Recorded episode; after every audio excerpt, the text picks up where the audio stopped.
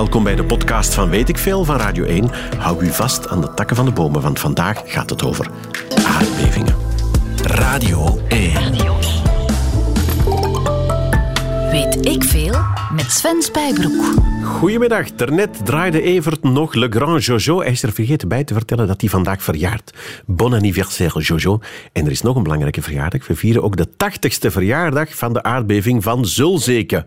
Het is waar, hè, Manuel Sintemin? Ja, inderdaad. U als seismoloog in 1938 was het. Zulzeke, dat is in de buurt van... Uh, van Oudenaarde. Oudenaarde. Ja. Hoe erg was het? Maar het is eigenlijk de, de, ergste, de zwaarste aardbeving die ooit in België in de recente geschiedenis is geregistreerd en ook de zwaarste van vorige eeuw. Ja, ik heb het eens opgezocht. er zouden 17.500 schoorstenen gesneuveld zijn. Ja, en vooral, als ik het mij goed voor heb, is in Kortrijk enorm veel schade geweest toen. Ja, en dat is nog maar één aardbeving. Er zullen er nog vele volgen dit jaar. Weet ik veel? Dag Manuel Sintobin. Goedemiddag. Uh, professor, wat moet ik jou noemen? Uh, aardbevingskundige, seismoloog is dat, hè?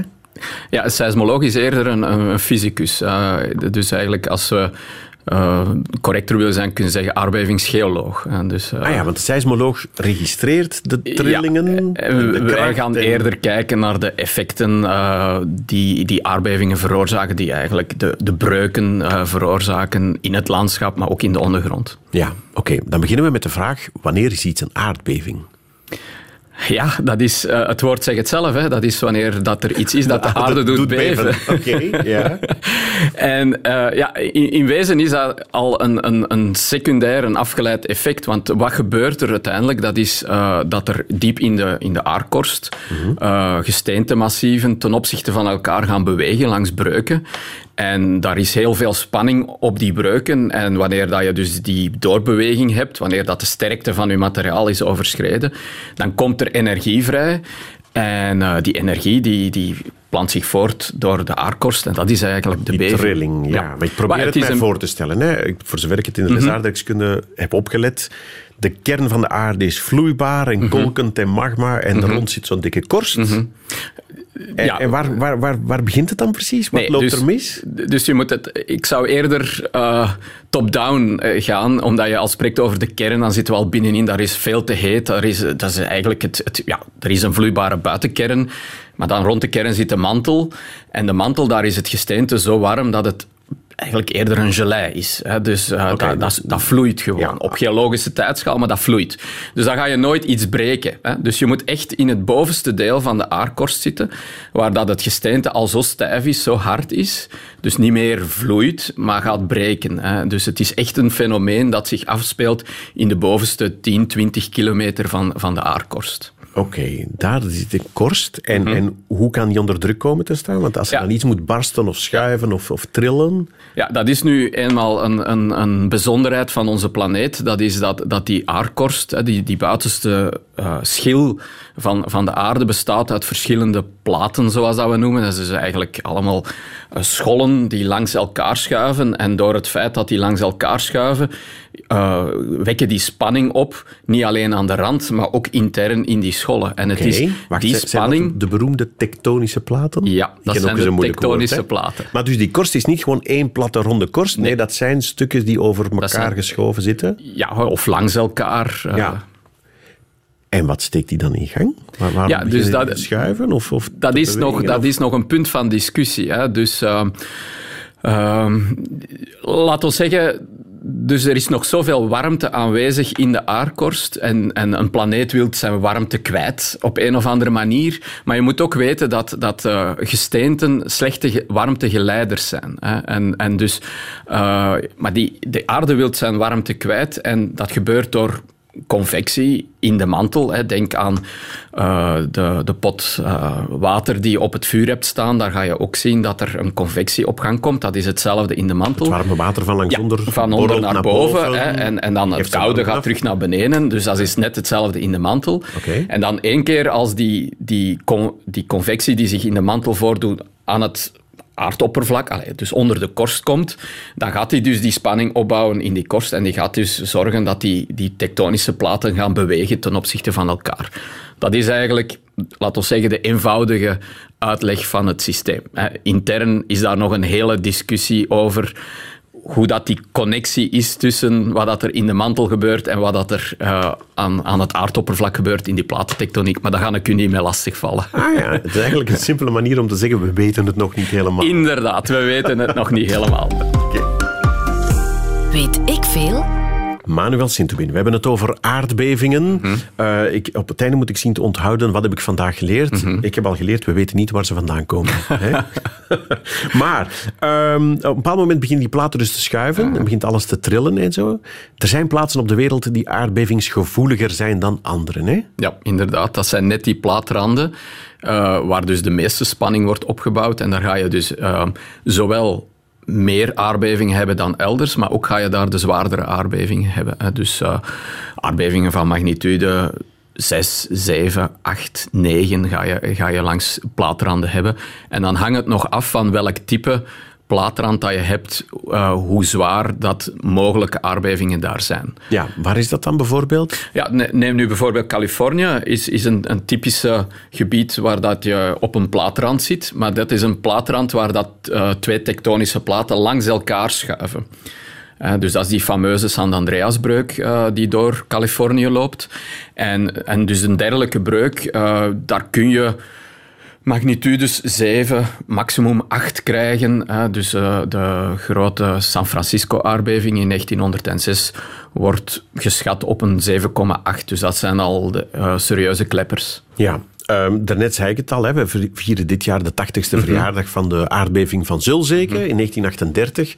Als 80 jaar geleden is, dan moet het zijn dat het hier wel meevalt. En dat wij dus ja, niet wij... op een of andere wij, wij, zitten uiteindelijk midden in uh, een, een, stabiele continentale omgeving uiteindelijk. Hè. Dus de plaatranden, de dichtstbijzijnde plaatrand, dan moet je voor naar IJsland gaan bijvoorbeeld, hè, waar je dus de, de plaatrand hebt tussen de Euro-Aziatische plaat en de Noord-Amerikaanse plaat. Of je moet naar het Middellandse Zeegebied gaan. Hè. Dat, het Middellandse Zeegebied is een klassiek gebied van aardbeving, van Spanje tot, tot in Turkije, omdat je daar een heel complexe situatie hebt waar dat Afrika eigenlijk tegen Europa aan het duwen is en ook de Alpen vormt, al die gebergten vormt. Hè. Dus uh, wij zitten relatief stabiel, maar dat wil dus niet zeggen dat er hier geen aardbevingen voorkomen. Enerzijds, ja, je hebt het zelf gezegd, uh, aardbeving, dus geregeld komen hier aardbevingen voor, maar toch, als we naar Noordoost-Limburg gaan, komen we in een regio waar dat er toch actieve tektoniek is. Dus daar is een slenk wat blief? Ja, toch wel. Ja, dus daar is een slang zich aan het ontwikkelen.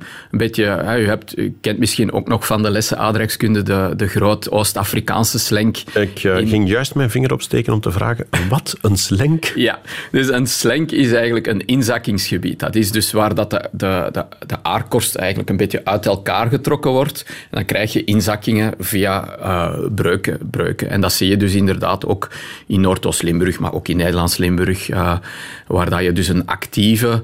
Uh, en hoe spectaculair is dat? Zo'n eh, inzinking?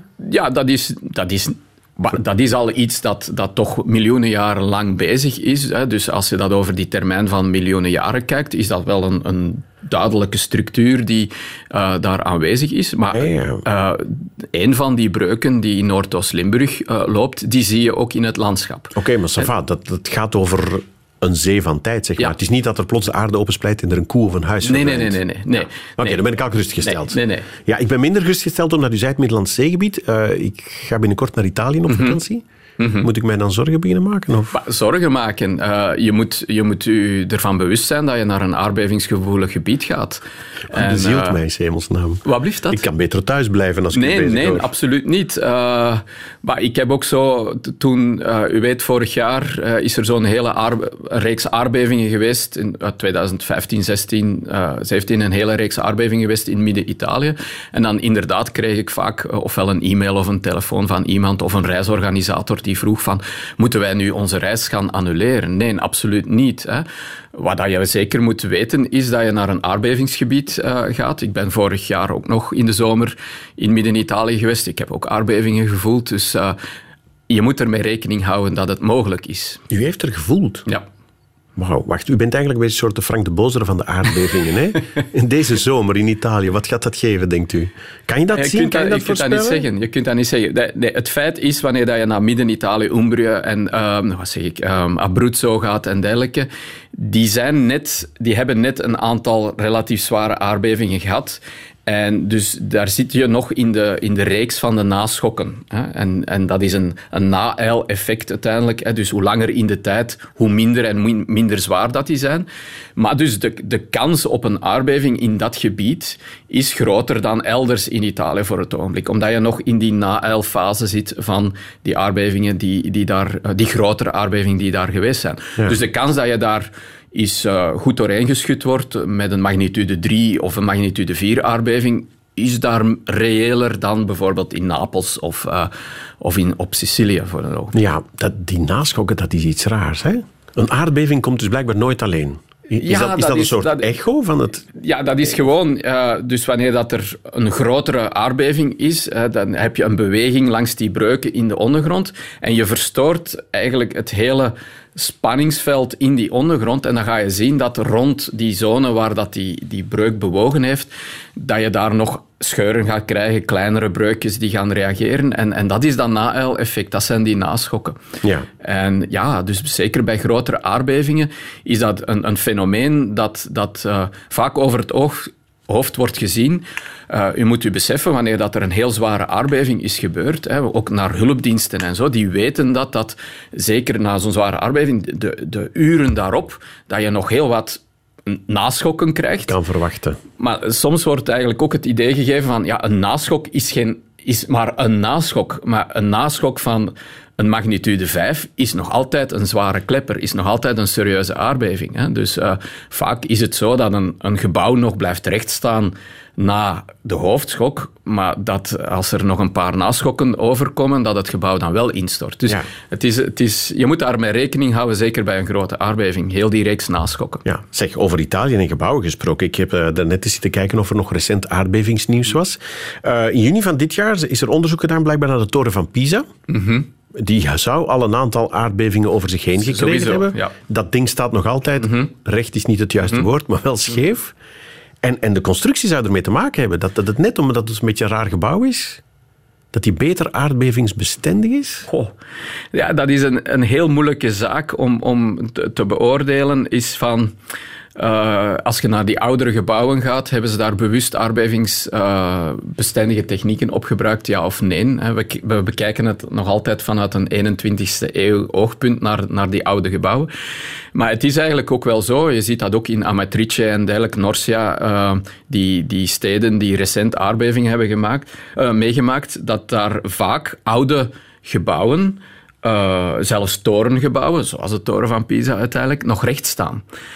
En dan kom je een beetje in het idee van, ja, dat is een beetje, die, die hebben zeker al x aantal zwaardere aardbevingen meegemaakt. Hè, Dat je tot het concept een beetje komt van de survival of the fittest. Hè. Het feit dat die gebouwen, die oude gebouwen er nog staan, wil zeggen dat ze net stevig genoeg zijn om die aardbevingen door te, te, gaan. Omdat zij er al meerdere hebben overleefd. Ja, en dan is de vraag, is het een toevalstreffer of hadden die oude Grieken en die oude Romeinen... Maar wanneer dat we kijken, denk ik naar, naar de gebouwen van, van uh, 14, 15, 16e eeuw, denk ik al wel dat er over nagedacht is. Hè. Dus dat er al aardbevingsbestendige technieken toegepast zijn of pogingen tot. Hè. Wanneer dat we echt teruggaan in de geschiedenis, en, en ja, daar, daar kun je hevige discussies hebben met archeologen. Hè, wanneer dat je dus bijvoorbeeld naar de Minoïsche cultuur gaat kijken, de, het paleis van Knossos of, of dergelijke in, in, op Kreta, of uh, Hellenistische architectuur in Turkije of, of uh, in, maar het is, Dat is met heel veel zuilen, denk ik. Dat, ah, ja, zuilen en dergelijke. En, en, en soms heb je dan uh, dat archeologen zeggen van ja, maar deze bouwstijl, dat is echt een typische aardbevingsbestendige bouwstijl. Hè.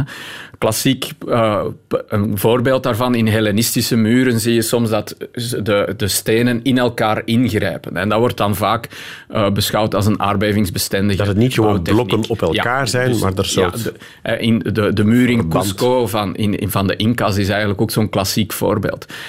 Maar we weten het eigenlijk niet, hè? want er is geen geschreven record van te zeggen van wij hebben nu speciaal deze muur zo gebouwd. Het is dus eigenlijk puur gokwerk.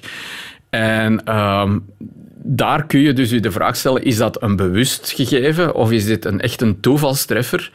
Ja, uh, maar je kan er wel van leren, hè? Want maar ja, nee, toch maar, maar aan het Dus ik denk, ik denk wel, wanneer dat je naar zo'n cultuur kijkt, en dat is een discussie die we hebben, hè? Ik, ik kan dat ook niet één op één bewijzen, maar uh, je kunt ervan uitgaan dat is wanneer dat in Minois Creta, lang geleden, een paar duizend jaar geleden, dat er een aardbeving is. En dat er bepaalde huizen instorten, andere gebouwen blijven staan. En dat ze dan zeggen, ja, dat blijft staan, dus we gaan ons huis nu zo bouwen.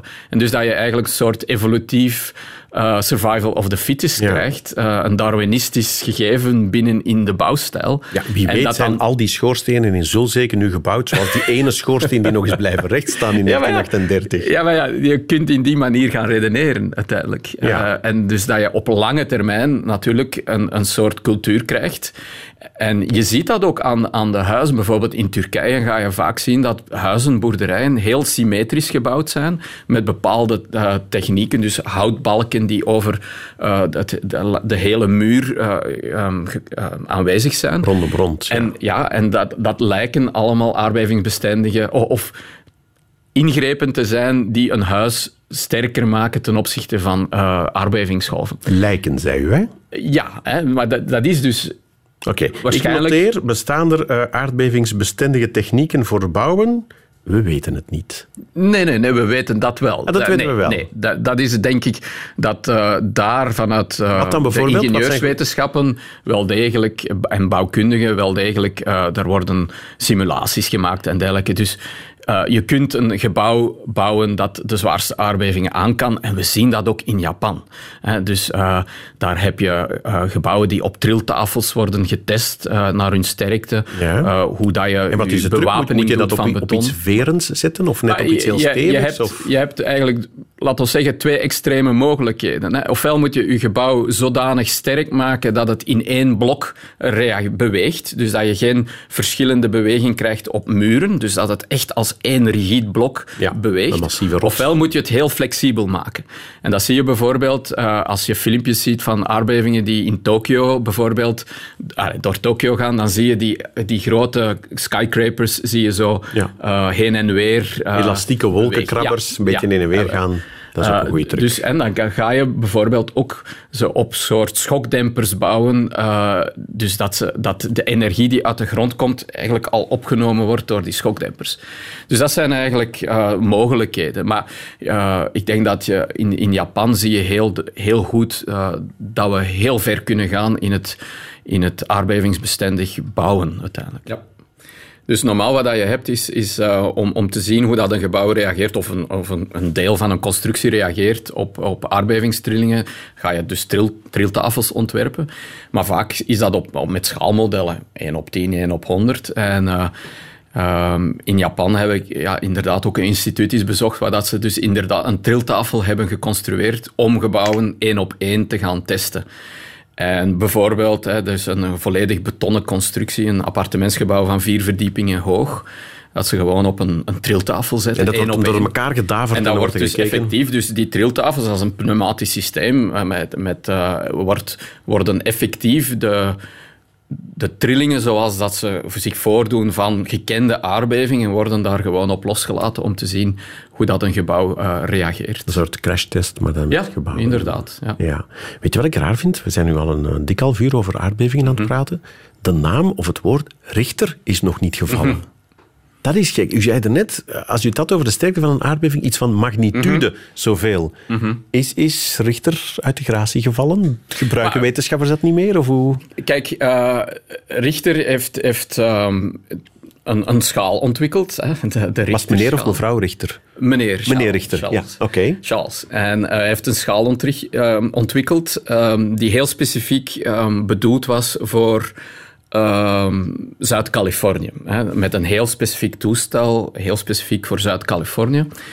En um, daar zat een zeker probleem mee met de richterschaal, is dat die, dat die verzadigt naar, naar hogere magnitudes. Dus eigenlijk wanneer dat je zegt... Een maar dat is, een, dat is een bakje en dat Ja, dat is een seismometer uiteindelijk. En, en dus uiteindelijk, dat was in die tijd was dat nog allemaal analoog. Dus dat, dat, hij had dat... Uh, dus de, de uitslag van... Uh, het is een naaldje, een pennetje op, op, een blad papier. Op een blad papier. En, en als dat ding trilt, meten dan... van de uitslag uiteindelijk, die, ja. die hij dan vastlegde. En hij heeft dat gecalibreerd. Hij heeft gezegd van, ja, uh, ik, uh, naar, al naar gelang de gevoeligheid van mijn apparaat is dit nul. Hè? Is, mm -hmm. Magnitude 0. Hè. Dan gebeurt er niks. En dan gebeurt er niks. En dan ga je dus, bouw je op magnitude 1 en de magnitude uh, 2. En magnitude 2 was uh, dan de uitslag 10 keer zo groot was dan magnitude 1, enzovoort, enzovoort. Ja. Dus wanneer dat je dan naar energie gaat vertalen, is elke stap in die magnitudeschaal is eigenlijk twee, 32 keer meer energie die er vrijkomt. Hè. Dus uh, dat is een logaritmische schaal ja, of iets dus, van die ja, strekking. Mm -hmm. Maar dus wat dat je nu het, het effect hebt, is dus die, die, die schaal die verzadigt eigenlijk. Van, je kunt eigenlijk niet zeggen een, een aardbeving van magnitude 7 op de schaal van Richter, omdat je, omdat je die, die begint te, te verzadigen. Dat machine naar... kan dat gewoon niet meer aan. Ah, wel ja. Dus, uh, ja. En vandaar dat er later um, een, een, nieuwe schaal ontwikkeld is die dichter um, um, verbonden is met, de, met wat dat er fysisch gebeurt. Hè. Dus het, het, de oppervlakte van de breuk die openscheurt, de sterkte van het gesteente in de ondergrond, en we noemen dat de momentmagnitude. Dus uh, dat is uiteindelijk de, de schaal die vandaag de dag uh, gebruikt wordt. Maar dat lijkt me toch veel moeilijker om te meten. Hoe kan je dat weten, wat er in de Ja, dat wordt gebeurt? helemaal vanuit de aardbeving, aardbevingsgolven die gedetecteerd wordt door het hele seismische systeem dat overal in de wereld aanwezig is, ja. door die uh, aankomst van de golven, uh, het golftype enzovoort, enzovoort, wordt daar dat geanalyseerd en krijg je heel goed beeld ook met die naschokken krijg je heel goed beeld Ah, ja. over hoe groot is die scheur enzovoort enzovoort. Dus het is niet zo vlak bij het epicentrum, nog zo'n mooi woord, hè? dat er Ja. dichtstbijzijnde metertje vangt het op. Nee, het is over de hele wereld staan er meters en als je die allemaal aan elkaar hangt, Ja. Je gaat vaak beeld. zien, in, ook in de media, ga je vaak zien dat er heel snel, of wanneer dat je de, de website van, van de geologische dienst of seismologische diensten volgt, ga je heel vaak zien dat een eerste magnitude wordt, wordt gegeven en dan dat die nog wordt bijgepast. En dat is natuurlijk omdat er meer en meer gegevens komen, dus dat het een fine-tuning is van eh Ja, effectief we denken de dat het magnitude. 1 was of 2 en dan achteraf zeggen het is 2,1, 2,3 Ah, ja. Dus, dus Ja, dat krijg je wel. Ja. En, en dus wat dat, vandaag de dag, hè, dus de Richterschaal wordt nog gebruikt, maar de, die, die wordt eerder gebruikt, eh, we noemen dat dan ook de lokale magnitude. Hè. Dus wanneer dat je voor kleine aardbevingen, zoals hier bij ons uiteindelijk, de, dus dat wordt enkel op een lokaal netwerk vooral geregistreerd. En dus die lokale magnitude, die kun je nog uitdrukken. Allee, het is voor amateurs, ik hoor het tegenwoordig. Nee, nee, dus niet, absoluut niet voor Ja. amateurs. Zeg maar, nee. hoeveel, hoeveel aardbevingen zijn er zo per jaar? Worden er zo geregistreerd door die toestellen? Maar, ja, maar het eenvoudige ik, weet je, gaat- ik weet wat je gaat vragen. Ja, het is maar wat je een aardbeving noemt, gaat de wetenschapper dan zeggen. Wat blieft dat? Het is maar wat je een aardbeving noemt. Hè? Nee, nee, nee. nee maar, Goeie, maar een het, basisregeltje dat, dat je daarvoor kunt gebruiken is... Laten we zeggen, gemiddeld per jaar, als we het over op lange termijn eh, kijken, heb je ongeveer eh, één aardbeving met een magnitude groter dan 8, 10 groter dan 7, tussen 7 en 8, 100 tussen eh, en, enzovoort. het lijkt wel de uitslag van de lotto. Ja, wel ja, nee. En dus zo kun je gaan, ja, dat zijn honderdduizenden aardbevingen van magnitude 2 en 1 uiteindelijk. Hè. Dus, eh, En wat is 2 in 1? Valt er dan al eens een schoorsteen om? Of, nee, nee, Ah, nee, dat is totaal niet. Voel je Dat dat? Als je ligt dat slapen? hangt er vanaf. Wat, eh, dus wanneer dat, dat hangt dan af van de diepte van de aardbevingshaard natuurlijk. Wanneer dat we zien bijvoorbeeld met geïnduceerde aardbeving, dus aardbevingen die door de mens verwekt zijn, eh, bijvoorbeeld in Groningen, dan ga je zien, omdat die vrij ondiep zijn, dat, dat die... eh, dat, er is een discussie over, maar dat je vanaf magnitude 1,8 ze, ze al voelt. Ja, ja, ik- dus, ik en, moet en zo zijn er een paar honderdduizend Ah, ja, over de hele jaar. wereld uiteindelijk. Hè. Ja. Dus, eh, zeg maar, wat zei u net? Door, door de mens geïnduceerde, dus veroorzaakte Mhm. aardbeving in Groningen? Wat- Ja, dus- wat doen ze er dan? Ja, je, je moet, ik heb je al gezegd, van aardbevingen hebben te maken met spanningen die op breuk aanwezig zijn. Wanneer dat wij nu als mens eh, iets gaan doen in de ondergrond, eh, bijvoorbeeld eh, wat dat geval is in Groningen, we gaan er een gas uithalen uit een groot gasveld, dan ga je die spanningstoestand in die ondergrond op een of andere manier veranderen. hm? En dus ga je ook die spanningstoestand op die breuken kunnen veranderen. En als die al heel dicht, hè, dat die, wij noemen dat kritisch gespannen zijn, als die heel dicht bij doorbewegen zijn, dan ga je dus door die spanningsveranderingen toch een beetje kunnen laten doorbewegen. En dat veroorzaakt eh, aardbevingen uiteindelijk. Dus die, En- die gaswinning in Nederland, dat komt met een kostenplaatje. Dat komt met een heel groot kostenplaatje. Ja, is het echt? Hoe erg is het? Maar het is eh, ja, voor het ogenblik toch wel vrij, vrij dramatisch. Eh, dat, eh, het heeft niet alleen met de aardbevingen te maken, het is een heel complex verhaal. Het heeft natuurlijk ook met, met de ouderdom van de gebouwen en, en de kwaliteit van de gebouwen te maken. Maar in het, in, bovenop dat gasveld, uh, de gebouwen die daar aanwezig zijn, boerderijen en dergelijke, hebben toch heel wat schade uh, geleden door, door de gaswinning en onder andere door, door de hele reeks aardbevingen die daar al door veroorzaakt zijn. Ja, zie je wel dat er toch hier en daar een vermiste koe gaat zijn in Groningen? Heb jij iets gevoeld van de aardbeving? Weet ik veel. iedereen die ik al gevraagd heb, niemand heeft iets gevoeld. Ik vind dat even goed raar. Het enige wat mij opviel, dus morgen lagen hier drie dings, die drie dings geslagen op de grond hier. Dat vond ik raar. Zo. Dat was alles. Voor de rest hebben niks gewaar geworden. Ik hoor juist hier binnen dat er een aardbeving geweest zou zijn. Uh, eh, 3,5, maar niks gevoeld. U lag lekker te slapen? Ik lag te slapen, ja. Ik heb niks gehoord. Want ik sla maar de vensters open, dus uh, ik heb niks gehoord. Weet ik veel? Manuel Sintobin, aardbevingen, kan je die voorspellen? Nee. Oké, dus al, al die, wat is dat, be-alert toestanden en zo, het is nee, onbegonnen werk? uiteindelijk, uh, ja, wat bedoel je met voorspellen? We gaan... Ik wil weten wanneer er een aardbeving ah, komt als dus ik naar Italië op vakantie ga. Dat gaan we dus eigenlijk nooit kunnen doen. Hè. Dus, uh, Ook geen uur op voorhand? Nee. Er gaan van die verhalen nee, dat dieren dat weten, ja, dat die dat voelen. Dus dat zijn, dat zijn eigenlijk inderdaad allemaal uh, mythes die uiteindelijk achteraf uh, dat men reageert van ja, vlak voor de aardbeving was... Mijn koe begon raar te doen of de hond begint te kijken. Er is geen enkele wetenschappelijke uh, argumentatie om daar iets aan te geven. Dus uh, voorspellen, we zijn inderdaad nog altijd op zoek naar um, elementen die in, in de fysische omgeving veranderen vlak voor een aardbeving. Dat is nog altijd een, een onderzoek dat gaande is. Maar een van de conclusies die je daar al kunt uittrekken uh, is van soms heb je iets dat een aardbeving aankondigt, een, een fysische verandering in, in allez, geleidbaarheid van ongrond of om teven wat. Maar bij de anderen is het niet. Dus Want al die sensoren die over heel de wereld staan, kunnen die ook niet... Bestaat er zoiets als voorschokken? Kleine schokjes die... Eh, eh, ja, maar meestal wanneer, wanneer weten we dat iets een voorschok is geweest ja, na de zware aardbeving. Ja, dat is waar. Dus, hey, en weerom, hè, dus wanneer dat we in het verleden gaan, gaan, gaan onderzoek doen, dan zien we in eenzelfde gebied dat de ene aardbeving is voorafgegaan door een aantal voorschokken. Dat je kunt zeggen, ja, we hadden het eigenlijk kunnen weten. En, maar dan de volgende weer niet. Dus we, we kunnen er nog geen systematiek in steken. En, en we beginnen ook meer en meer te beseffen dat we er geen systematiek in gaan kunnen steken. Want je kan dus, ook moeilijk mensen iedere keer bang maken als er zo'n mini-schokje ja, is. Ah, wel ja. Dus Uh, omdat je dan het, het averechts effect krijgt om uh, dat mensen niet meer gaan, gaan zeggen uh, wacht, ja, daar zijn ze weer met hun, met hun waarschuwing. Ja, dan geloof je het niet meer. Hè? Ja, en, ehm, dus, dus dat moeten we zeker vermijden. En meer en meer wordt er nu ingezet op, op het gegeven wat dat we dan uh, het, het vroege waarschuwingssysteem noemen, early warning system uiteindelijk, wat dat volledig operationeel is in, in Japan bijvoorbeeld. Dat is uh, dat men gaat um, werken met het tijdsverschil en het snelheidsverschil tussen de eerste aardbevingsgolven, de P-golven die we noemen, en dan de, de tweede, de secundaire, de S-golven, dat we dat met het snelheidsverschil en dus het tijdsverschil gaan uh, mee gaan spelen, omdat de primaire golven die gaan nooit schade opleveren. Het zijn die secundaire golven en, en andere golven die later komen, die, die voor schade zorgen. En als je dus van dat tijdsverschil gebruik kunt maken om bij de registratie van de P-golf al een bericht uit te sturen... Zeg maar, de, de eerste trillingsgolf, die veroorzaakt geen schade. Nee, dat is de P-golf. Dat is een compressiegolf uiteindelijk. Dus die, je voelt die wel komen. Ja, je voelt die. Ja, nee, dat zijn meestal golven die opgemeten worden door, uh, door uh, seismometers uiteindelijk. Hè. Dus die seismometers uh, registreren die eerste golf, die P-golf.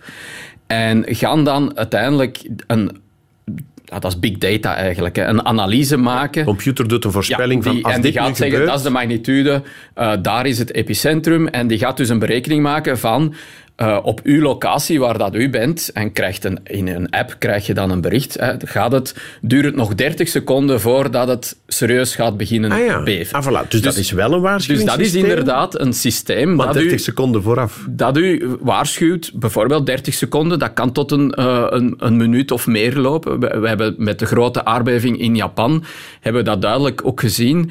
Uh, dus op de beelden, dat was een parlementszitting bezig in Tokio. Mm -hmm. En daar zag zag je het pop-up venster op de tv eh, verschijnen.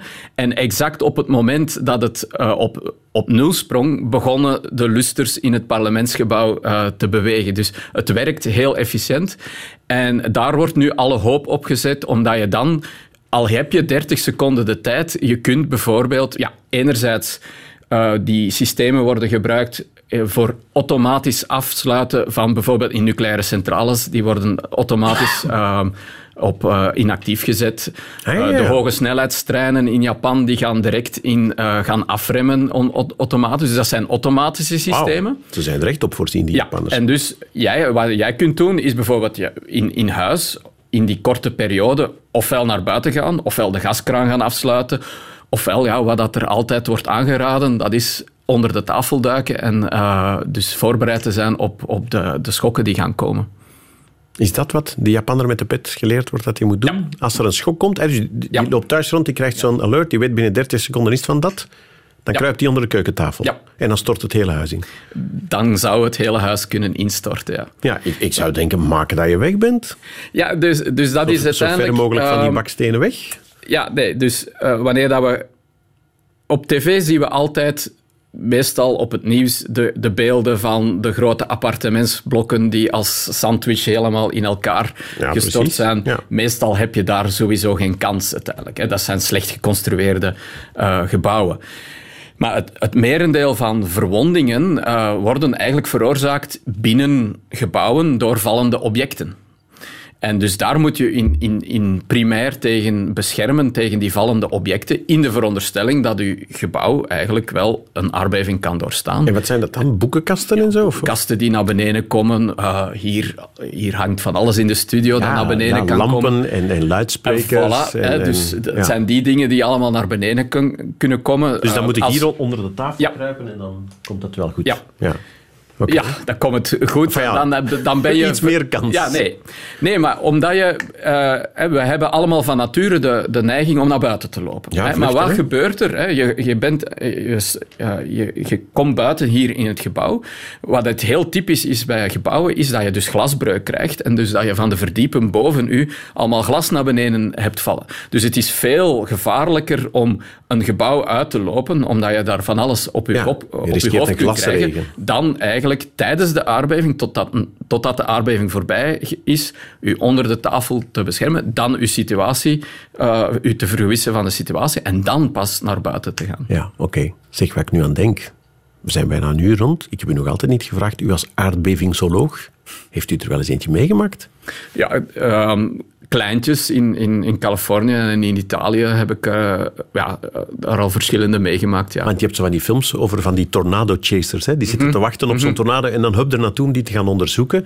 In uw geval lijkt me dat heel moeilijk, hè? Ja. Enfin, dat is Ja, gewoon wij moeten ja, achter de computer zitten en kijken wat die meetstations Ja, oppikken. nee, ja, dus uiteindelijk als we er één willen meemaken, ja, dan moeten we eigenlijk een beetje geluk hebben als je het zo wilt eh, verwoorden. Maar ja, ik moet zeggen... ehm, Ik voel het, al. U blijft- gaat ook naar Italië op vakantie Ja, nee, gaan. nee, nee. Het blijft... Nee. Ik zal daar eerlijk in zijn. Het, zelfs de kleintjes die, die je meemaakt, ook bijvoorbeeld in Californië, eh, het blijft beangstigend. Als je, als je daar niet gewoon bent om dat mee te maken. Het blijft een beangstigende eh, belevenis. En ik... eh, ik sta niet te wachten op een, een magnitude 6 of een magnitude 7 is mee te maken. Eh, of het zou moeten zijn dat het echt in het open veld is. Ah, maar u, u bent een aardbevingsdeskundige, dus je weet wat er gebeurt, je weet ook wat je moet doen. En toch zegt u, ja, ik vind het eigenlijk Ja, wel... ah, wel, dat is nu... Ik, ik zal, u, ik zal u zeggen van wanneer dat ik in, in, in Californië ben. eh, ik bereid mij inderdaad ook voor. Hè, dus, wanneer ook, eh, dus dat je... Dus als je gaat slapen, dat je je schoenen langs je bed hebt staan, dat je al je materiaal voorhanden hebt. eh, Kijkt wat er boven je hoofd hangt, Ah, ja, helm dus- opzetten in dus- bed. ah, dat nu niet, maar... Dus je bereidt je voor. En ik, ik moet zeggen, ja, zoals dat u zegt, ik weet wat dat we moeten doen. Eh, ik, geef dat ook, ik zeg dat ook tegen mensen eh, in lezingen en dergelijke. En toch, wanneer dat je... Als ik persoonlijk een aardbeving heb meegemaakt, het eerste wat dat je doet, is de sleutels van het huis nemen en naar buiten lopen.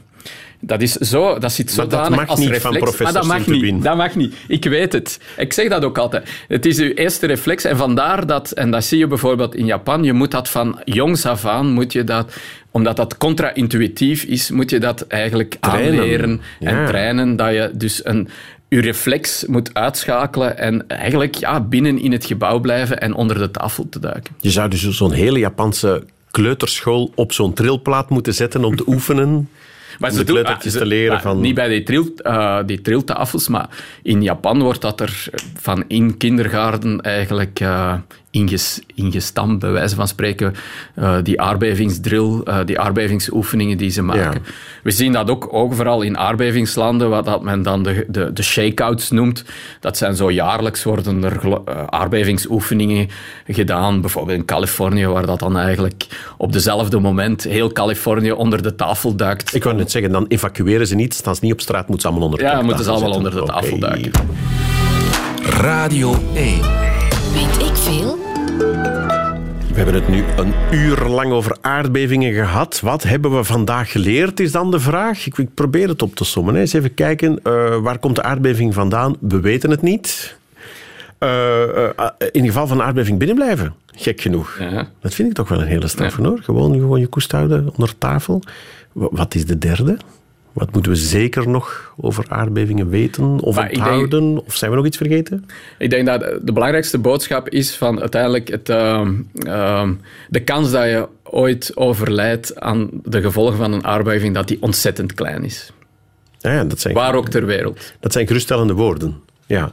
Maar wat is de allergrootste die ooit geweest is? Daar hebben we het nog niet over gehad. Hè? Maar dat is, ehm, als ik het mij goed herinner, 1960, eh, de, de, de, Chile eh, de aardbeving in Chili. En dat is een, een magnitude 9,5. Eh, dus ja, Dat klinkt wel heel erg spectaculair, Niet, hè? je kunt je absoluut niet voorstellen wat dat, dat betekent. Ja. En dan had je die in, in Zul zeker. In 1938 was dat de strafste in ons land? de strafste in ons land die geregistreerd is met seismometers van vorige eeuw. Maar we moeten teruggaan tot eh, zes- zes- eh, ja, 1692 eh, met de Verviers-aardbeving. En dat is een aardbeving van, well, mijn gokken, 6,5. Dat is toch wel Dat is een beetje zoals dat we in Italië hebben. hè, die 1692. L'Aquila-aardbeving en dergelijke. Wauw, oké. We weten alles over aardbevingen. Manuel Sint-Hubin, dank u wel. Radio 1. Weet ik veel? Dit was Weet ik Veel, de podcast. Een aflevering tussen de vele. Je vindt ze allemaal terug op radio1.be.